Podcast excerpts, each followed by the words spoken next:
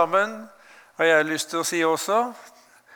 Og nå får vi være sammen her og få dele det viktigste av alt, nemlig Guds ord. Og Jesus han har lovet å være sammen med oss når vi samles i hans navn. Så det skal vi få lov til å regne med. Har vi allerede blitt minnet om fine ting, og vi skal fortsette å høre det som er eh, teksten for denne andre søndag i faste, fra Matteus 15, vers 21-28. Og jeg har satt som overskrift 'Bønnens kamp ført til seier'. Ja, seier, det er et godt ord, er det ikke det? Men så hører også kampen med. For uten kamp så blir det ingen seier. La oss eh, fortsette å be sammen. Kjære Jesus, vi vil få takke deg for at vi får være sammen her og høre ditt ord.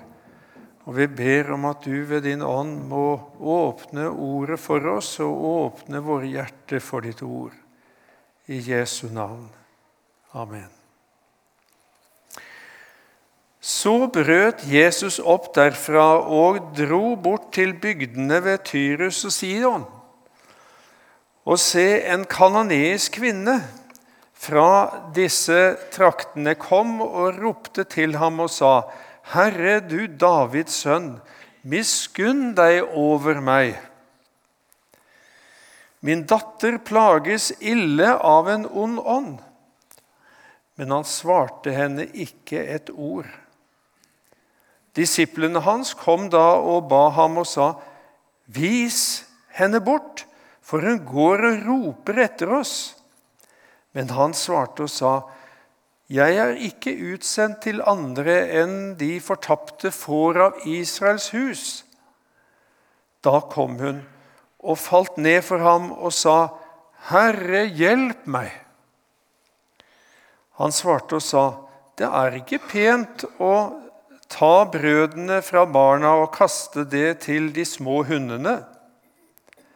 Men hun sa, Det er sant, Herre, men de små hundene eter jo av smulene som faller fra bordet hos deres herrer. Da sa Jesus til henne, Kvinne, din tro er stor. Det skal skje deg som du vil og datteren hennes ble helbredet fra samme stund. Kjenner du til bønnens kamp? Ja, for det kan være en kamp å be. Dette hadde Epafras fra Kolossé erfart mye av, tydeligvis. For eh, Paulus han skriver om han til menigheten der. Epafras, som er en av deres egne, hilser dere. Han er en Kristi Jesu tjener som alltid strider for dere i sine bønner, for at dere må stå, eller kan stå fullkomne og fullvisse i all Guds vilje.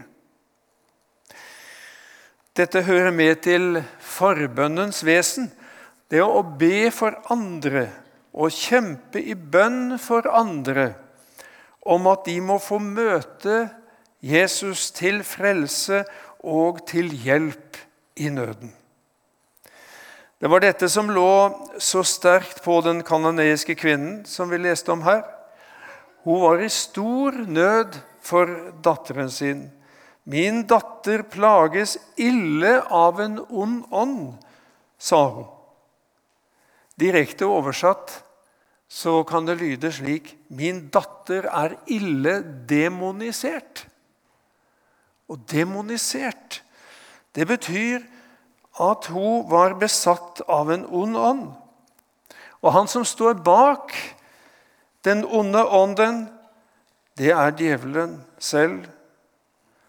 Han er bare kommet for å stjele og myrde og ødelegge, sier Jesus.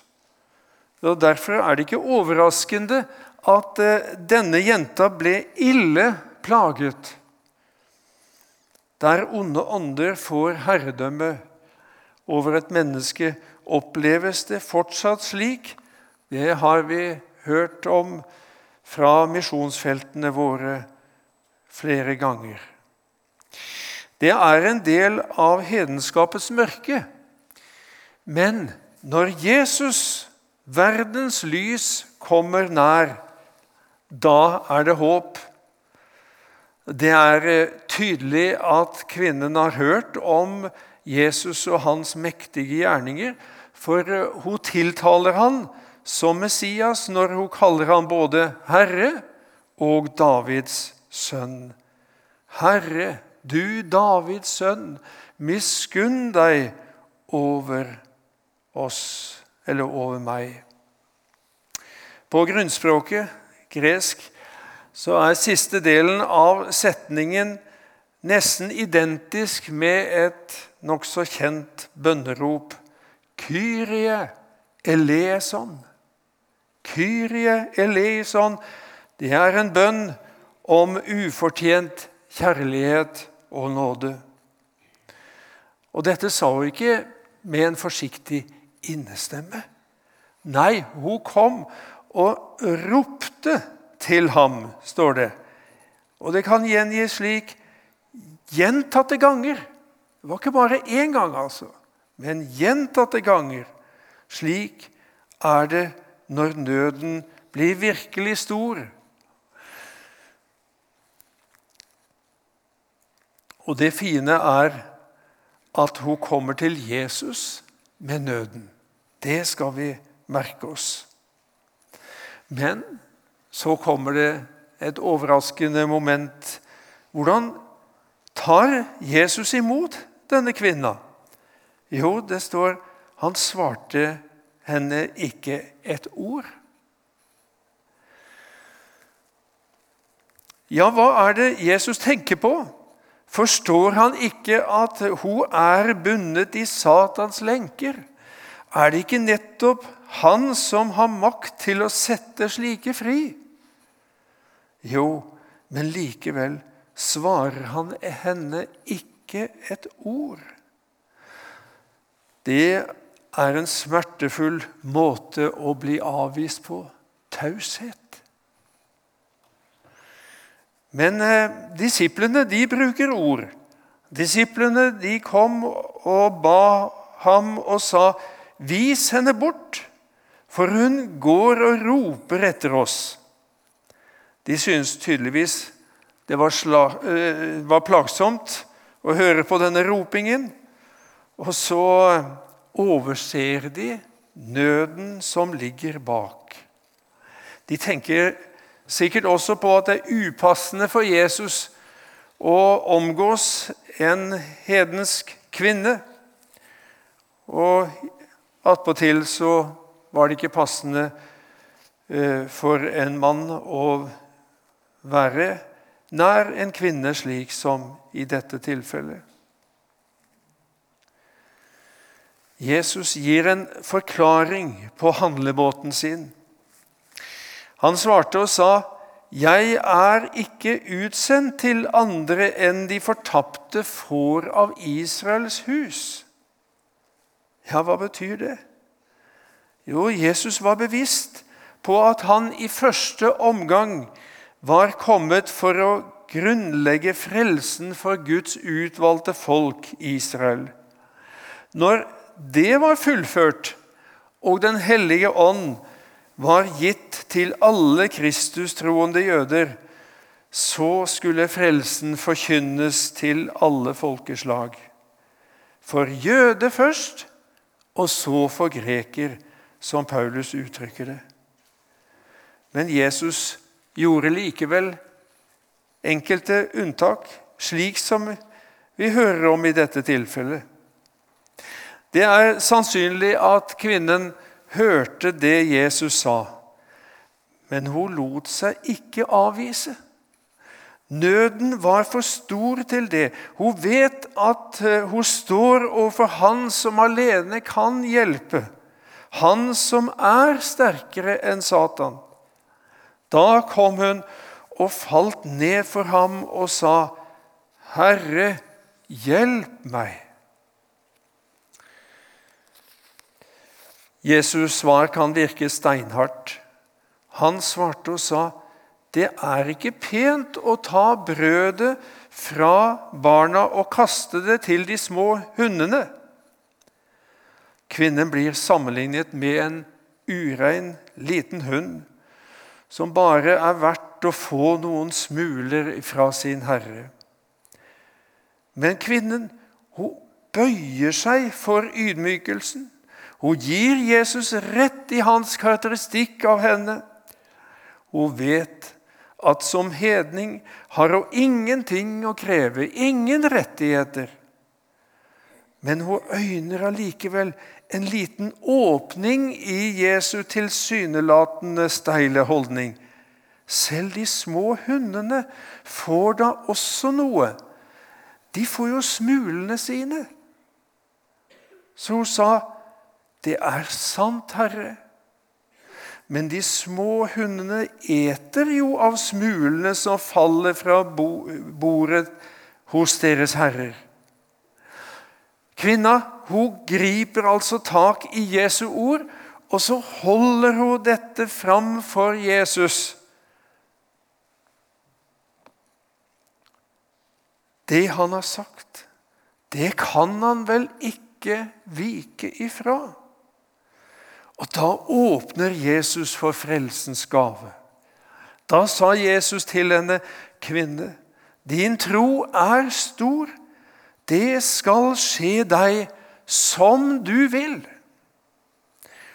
Og datteren hennes ble helbredet fra samme stund. Da var bønnens kamp kjempet til seier.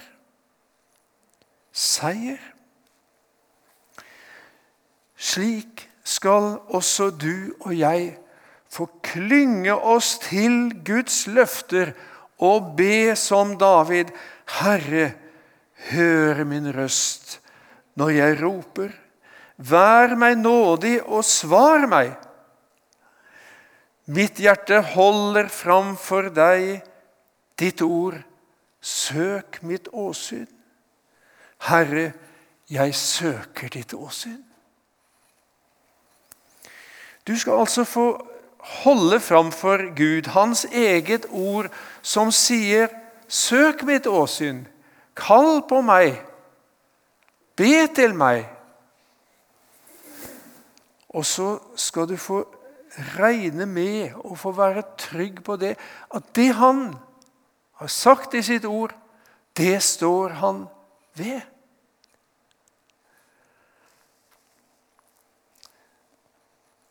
I Salme 50, vers 15, står det et fint løfte som jeg har minnet Gud om. Ja, sånn kan vi si det. Minnet Gud om mange ganger. Når jeg har vært i nød, enten for meg sjøl eller for mine eller andre, så jeg, kunne jeg løfte det fram og si til Gud Se hva som du har sagt. Kall på meg på nødens dag. Og nå er det nødens dag, så nå kaller jeg på deg. Og så fortsetter ordet Kall på meg på nødens dag, så vil jeg utfri deg, og du skal prise meg. Jesus sier det på en lignende måte i Matteus 7. Vi har hørt de ordene så mange ganger at vi må kanskje stoppe opp og tenke Ja, er det, er det virkelig sant?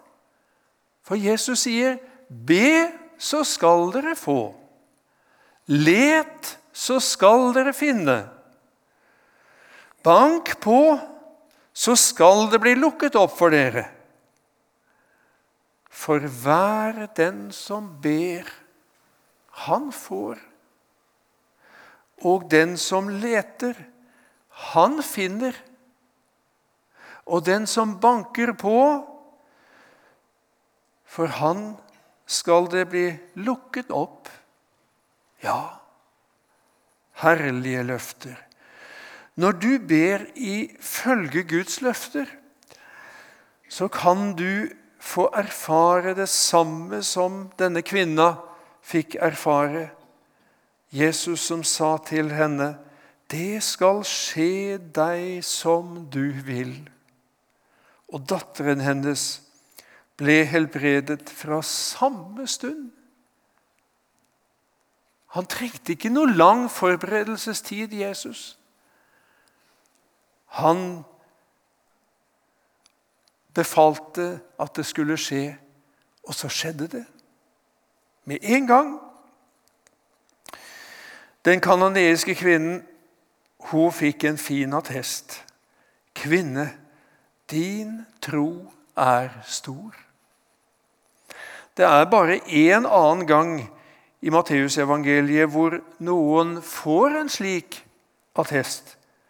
Og Det handler om den romerske høvedsmannen eller offiseren. Han sa bl.a. til Jesus, 'Si bare ett ord, så blir gutten frisk.' Bare ett ord. Jesus, han har kraft i sitt ord. Da Jesus hørte dette, så undret han seg og sa til dem som fulgte ham:" Sannelig sier jeg dere, ikke hos noen i Israel har jeg funnet så stor tro. Men like etterpå så får disiplene attesten 'dere lite troende'. Er ikke det sjokkerende? Ja, det var i hvert fall helt sikkert sjokkerende for dem. Og Ved en senere anledning så fikk eh, Peter oppleve det store å gå på vannet. Kan du tenke deg for en opplevelse? Hvis det er noen som har prøvd å gå ute i vannet på ei fin strand, så er det nå én ting. Det går gradvis.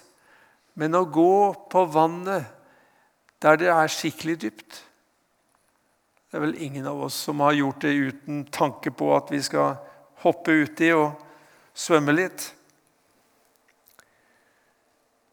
Men når Peter begynte å se seg omkring på det stormfulle været, hva var det som skjedde?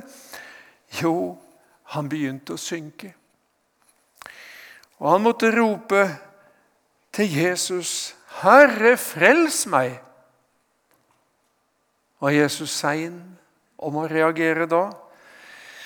Nei, det står Jesus rakte straks hånden ut og grep tak i han, og han sa til ham, du lite troende.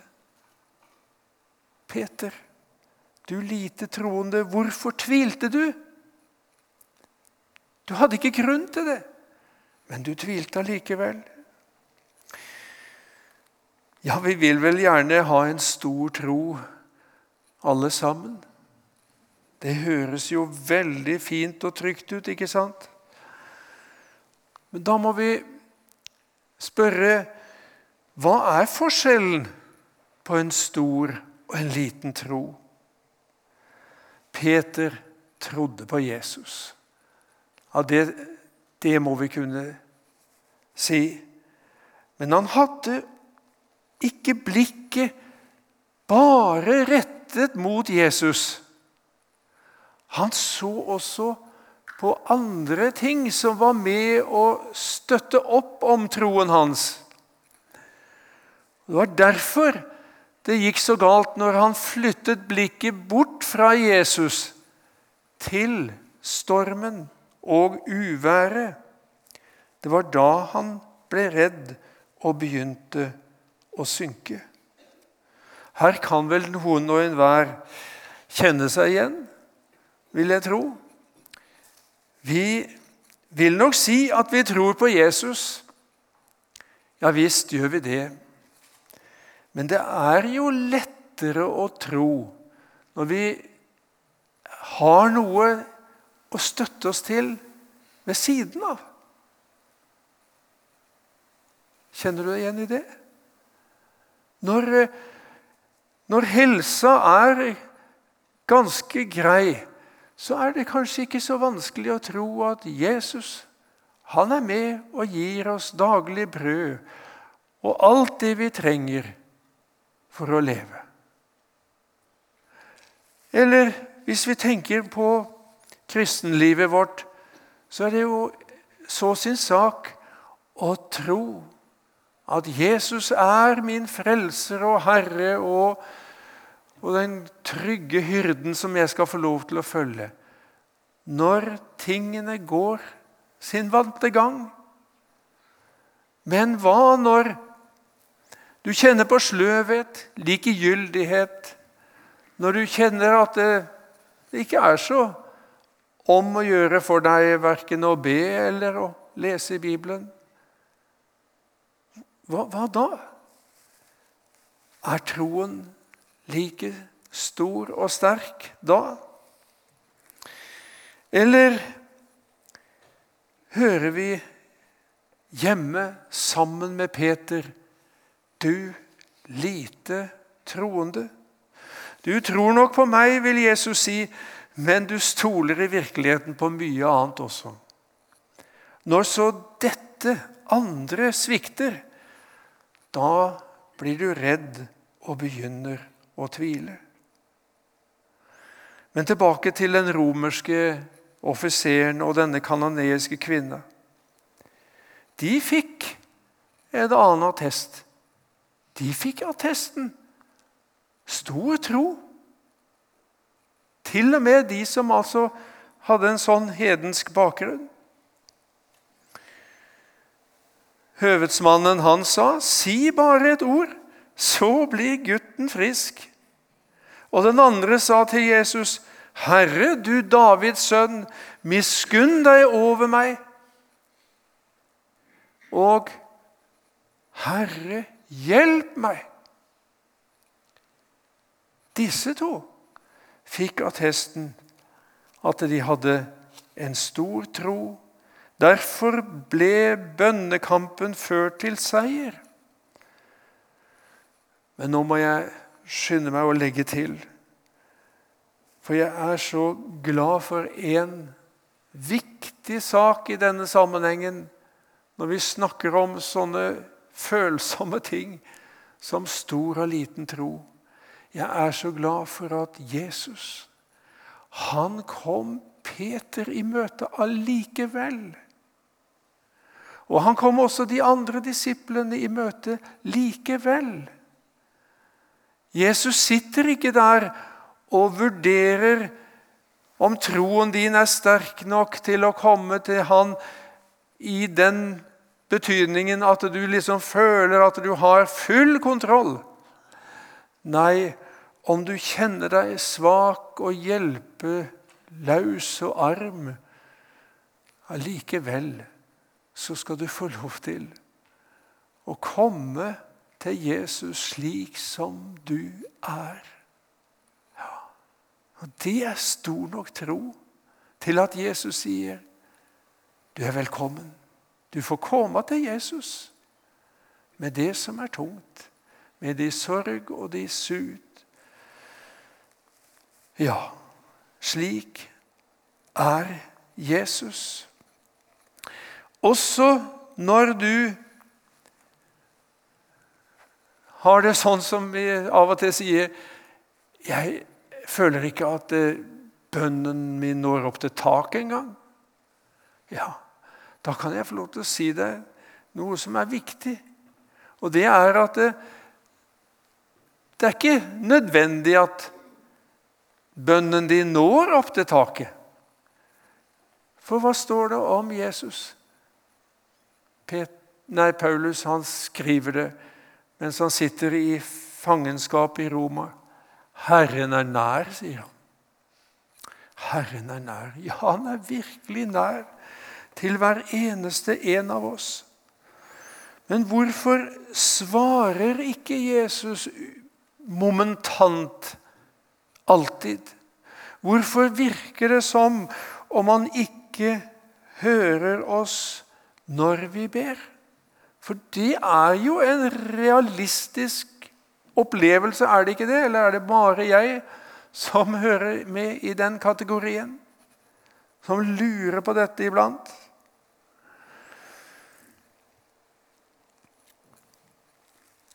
Hva står det i Jesaja 59? Det er ikke så langt ifra der som Terje leste i åpningen. Vers 1. Se, Herrens hånd er ikke for kort til å frelse, og hans øre er ikke tunghørt, så han ikke kan høre. Ja, tenk det. Sånn er vår Herre og vår Gud. Han når ned til den dypest falne, og han hører lite sukk som fra dypet til himmelen stiger. Det skjer alltid noe når vi ber. La oss repetere det og minne hverandre om det midt i håpløsheten. Det skjer alltid noe når vi ber. Men det skjer ikke alltid sånn som vi kunne ønske det på øverste hylle.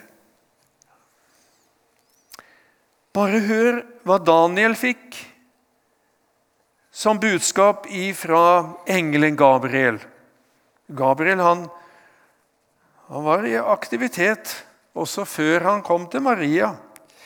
Der står det i Daniel 9.: Med det samme du begynte å bære fram dine ydmyke bønner, gikk det ut et ord, og nå er jeg kommet for å kunngjøre deg det. For du er høyt elsket. Ja, det skal du også få ta til deg. Du er høyt elsket. Så merk deg ordet og gi akt på synet. Ja, det er sant, det som Peter sier. Herren er ikke sen med løftet. Det er bare vi som ikke alltid forstår hans måte å oppfylle løftet på. Trygve Bjerkreim han uttrykker det slik i sangen vi skal synge etterpå nå. Det er svar underveis. Engler kommer med bud. Om det drøyer, det framdår skal nå. For det lovet jo løftenes trofaste Gud. Kall på meg, og du hjelpen skal få. Derfor kan du si til deg selv med ord fra Salme 42.: Hvorfor er du nedbøyd, min sjel, og bruser? i meg. Vent på Gud. Vent på Gud, for ennå skal jeg prise ham for frelse fra hans åsyn. Du skal få lov til å leve i forventning til Gud. Det er svar underveis. Det, det, det kommer til å skje noe, selv om ventetiden kan virke lang iblant. Ja, hvorfor må vi vente slik, da? Hvorfor er ikke Gud litt raskere til å svare iblant? Ja, Det hører med til bønnens kamp. Er det en kamp med Gud? Dagens tekst kunne tyde på det. Og Jakobs kamp med Herrens engel kunne også peke i den retningen. Jakob hadde klart å berge seg ut av ulike situasjoner, leser vi om i Første Mosebok. Ikke alltid med rene midler. Men gjennom alt hadde han ikke fred med Gud. Og nå var oppgjørets time med tvillingbroren Esau kommet. En situasjon han ikke kunne flykte fra. Han måtte oppgi navnet sitt til engelen. Jakob. Ja, et fint navn, men hva betyr det? Jo, den som holder i hælen. Og han var tvilling, Jakob. Og han som han holdt i hælen til, det var altså han som var født før han, nemlig Esau.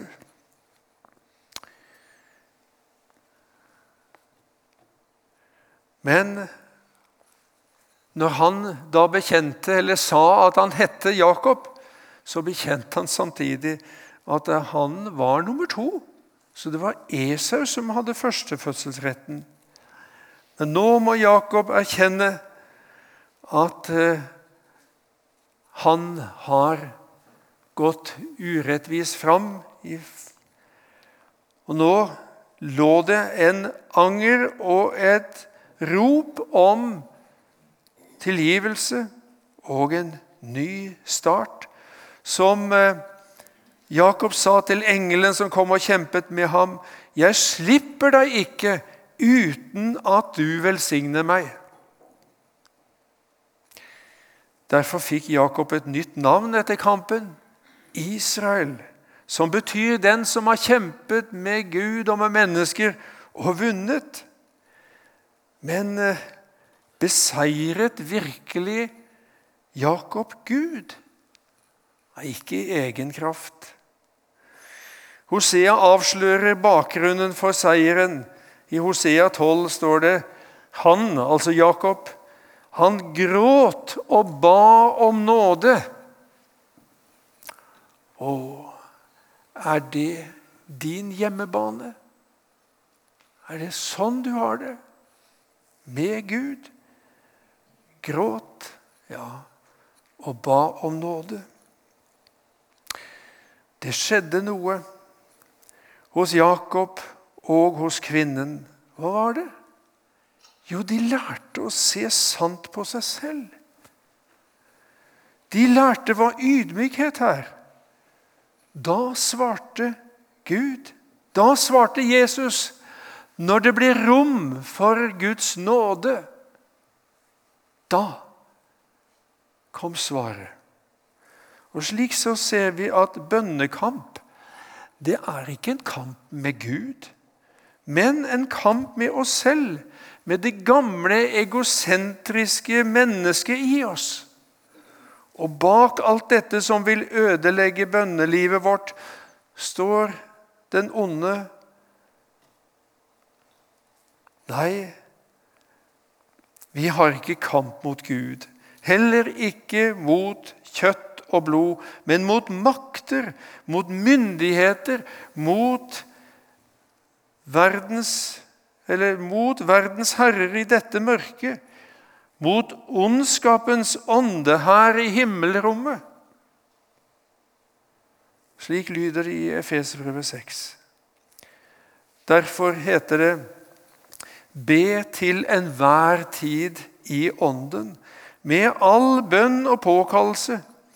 Vær årvåkne i dette med all utholdenhet i bønn for alle de hellige. Vi trenger hjelp til utholdenhet i forbønnens tjeneste. Vi svarer gjerne ja når noen spør oss om å be for dem. Og det skal vi fortsette med. For det er en stor velsignelse. Men eh, hvor lenge holder vi ut? Det er dessverre så lett å bli sløv og å glemme.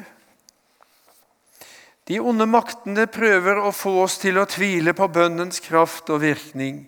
Det nytter ikke. Du kan bare gi opp. Gud verken hører deg eller gjør etter det du ber ham om. Kjenner du til slike tanker? Jeg tror vi trenger å ta Jesu ord innover oss. Det han sa til disiplene sine da de sovnet i Getsemanehagen. Våg og be for at dere ikke må komme i fristelse. Ånden er villig, men kjødet er skrøpelig. Det er hos oss hindringene ligger. I vårt stolte, æresyke og egenrådige sinn. når det virker som om Jesus ikke hører, er han i ferd med å skape mottagelighet hos oss for det han synes vi trenger mest av alt. For Gud er så uendelig god mot oss. Vi ber om sølv, men Gud gir oss ofte gull i stedet, sier Luther. Hver gang Jesus ser en mulighet til å gi oss mer enn vi har forstand til å be ham om, så gjør han det. Men da må han iblant føre oss på disse uforståelige veiene. Inn i lange ventetider, inn i mørke, kampfulle perioder. Alt for å kunne åpenbare enda mer av sin herlighet for oss. Derfor må vi legge Davids ord i Salme 27 på hjertet. Vent på Herren. Vær ved godt mot. Ditt hjerte være sterkt. Ja, vent på Herren. Den kanoniske kvinnen gikk i forbønn for dattera si, som hun var så glad i. Hun gjorde hennes sak til sin. Og det er en stor rikdom å få ha noen som ber for deg når du har det vanskelig. Det fortelles om en kristen leder en gang han var syk, at han sa til noen som besøkte han, at 'jeg, jeg orker ikke å be engang'. Det kan jo kanskje høres litt rart ut, men slik opplevde han det, for han var alvorlig syk. Men da svarte disse vennene, 'Vi ber for deg.' Du skal få komme på våre bønner. Ja, for en lykke å ha det slik. Det skjer to ting når vi ber lenge for noen. For det første vi, ber, nei, vi får mer omsorg for den vi ber for. Samtidig kjemper vi oss gjennom de hindringene som vil lamme vår fortsatte forbønn. Vi erkjenner vår utilstrekkelighet, slik at bønnens ånd får slippe til. Ber vi ikke av og til om at Jesus må gjøre oss mer ydmyke og øke vår tro, ja, da må vi ikke være overrasket over at eh, han fører oss slik at vi blir ydmyket. For ydmykhet er noe som vi må oppleve og erfare og lære av i vandringen sammen med Jesus. Du kan være trygg for at din kjærlige far og frelser han hører når du ber om at han må stelle med deg på den rette og gode måten, for Gud står de stolte imot, men de ydmyke gir Han nåde. Den skal du få lov til å ta imot nå også, i Jesu navn. Amen.